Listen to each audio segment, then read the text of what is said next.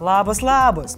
Aš Dominikas ir šiandien aišku pakalbėsime apie tuos superherojų kostiumais apsirengusius žmonės, bandžiusius užimti JAV kongresą, apie pasaulio lyderių reakcijas, apie svarstymus sukurti pasus, atspindinčius mūsų imunitetą ir toliau besitęsiančią dramytę dėl greitųjų testų pirkimo. Nežinau kaip jūs, bet tik pabudęs aš čiupau telefoną skaityti, kasgi per naktį nutiko štatuose. O JAV dedasi iki šiol neregėti dalykai. Apšviesiu.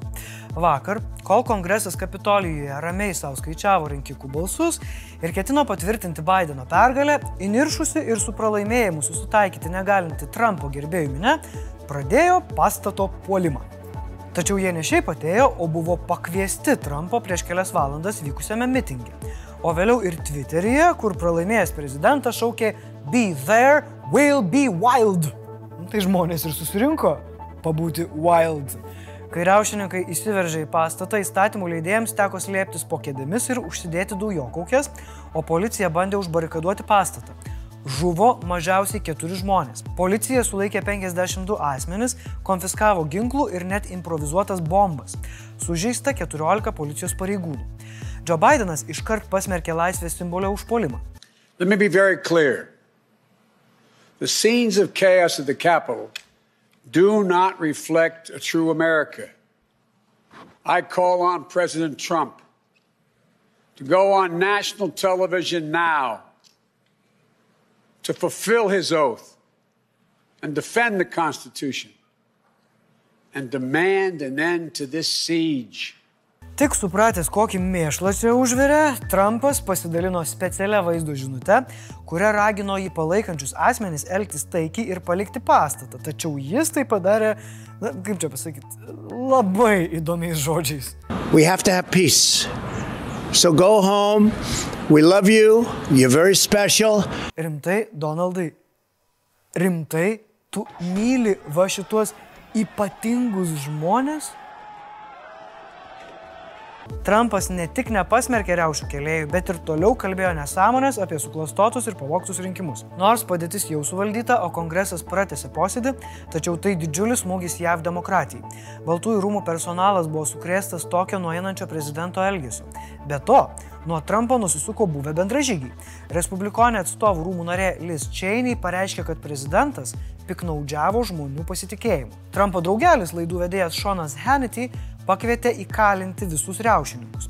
Įtakingas respublikonų senatorius Tomas Kotonas paprašė Trumpą nustoti klaidinti savo remėjus ir visomis įstatymų galiomis numalšinti riaušininkus. Galiausiai šiandien Bideno pergalė buvo patvirtinta, o Trumpas pirmą kartą, nors ir nesutikdamas su rinkimų rezultatais, pažadėjo sklandų valdžios perdavimą. Wow.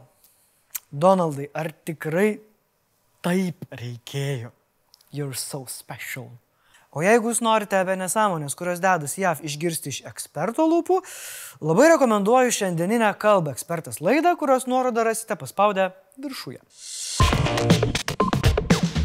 Į įvykius Vašingtone sureagavo Lietuvos ir pasaulio šalių vadovai. Kurgi čia nereaguosi? Neatsimenu nei vieno šio laikinės demokratijos vadovo, kuris savo šalyje skatintų pilietinį karą ar riaušių sukėlėjams sakytų, kad we love you. Gitanas Nausėda patvirtino, kad teisės viršenybė nėra gatvės viršenybė. Premjerė Ingrida Šimonytė buvo nustebinta to, kas vyko JAV Kapitolijuje. Aš nesitikėjau, kad e, per savo gyvenimą kažką panašaus galėsiu Kapitolijuje išvysti.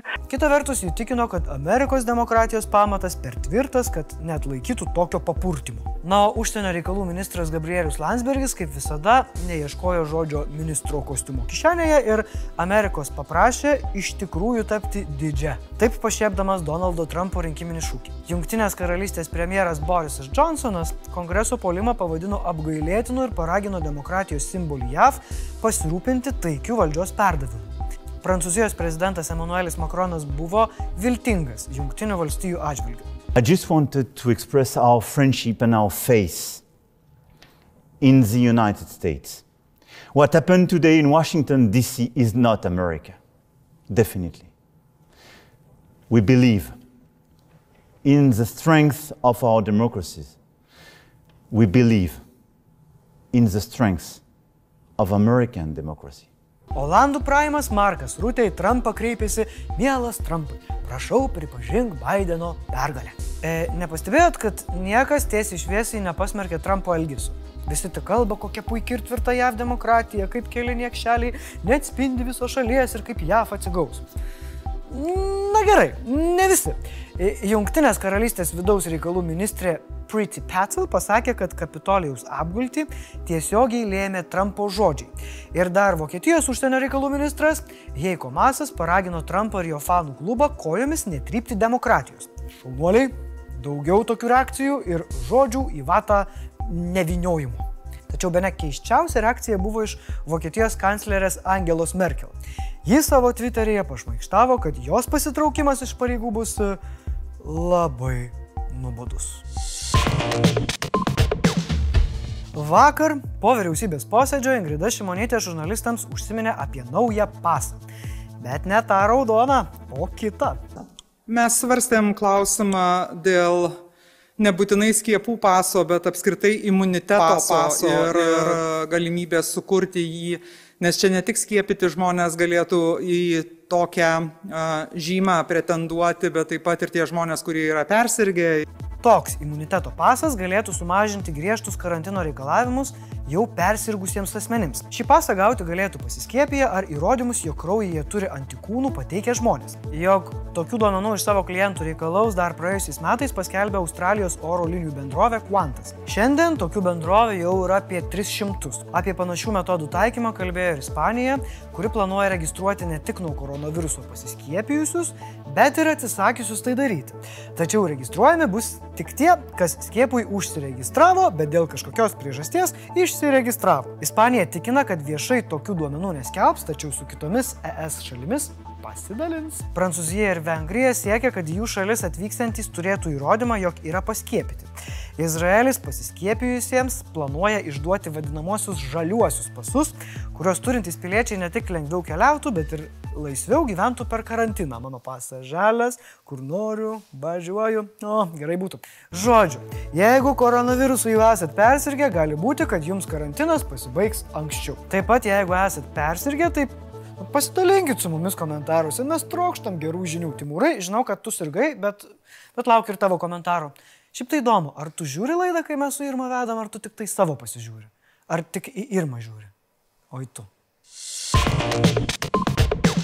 Prisimenat tuos su buvusią valdžia susijusius skandalus dėl greitųjų testų pirkimų už šešis lemus? Prisimenat? Tai va, pasirodo, kad dar ne viskas baigta ir tyrimas juda toliau. Šiandien generalinė prokuratūra paskelbė, jog sieks iš sandorėje dalyvavusių bendrovių priteisti daugiau kaip 4 milijonus.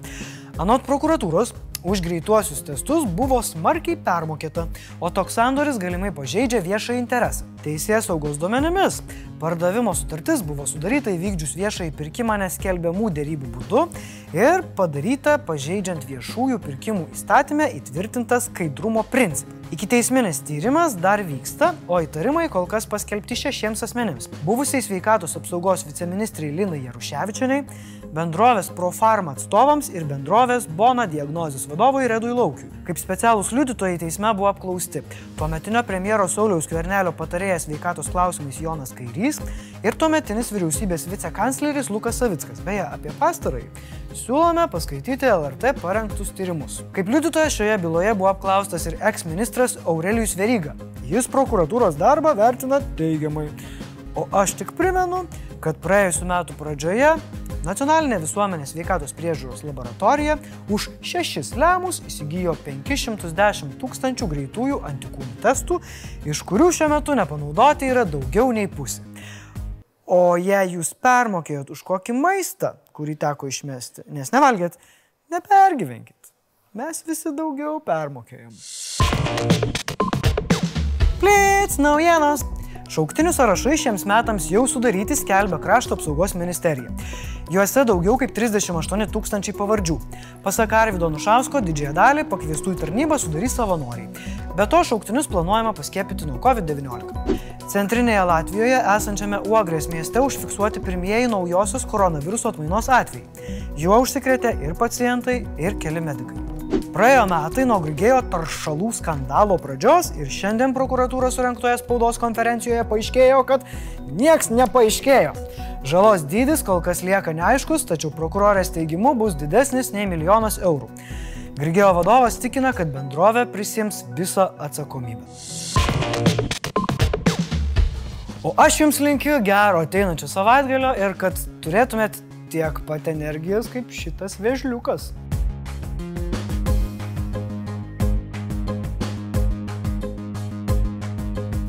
Nu ką, einam, kur einam, kur nors pasitrint, į ką nors pasitrint, o pirmadienį jūsų lauks Irma. Tiek žinių.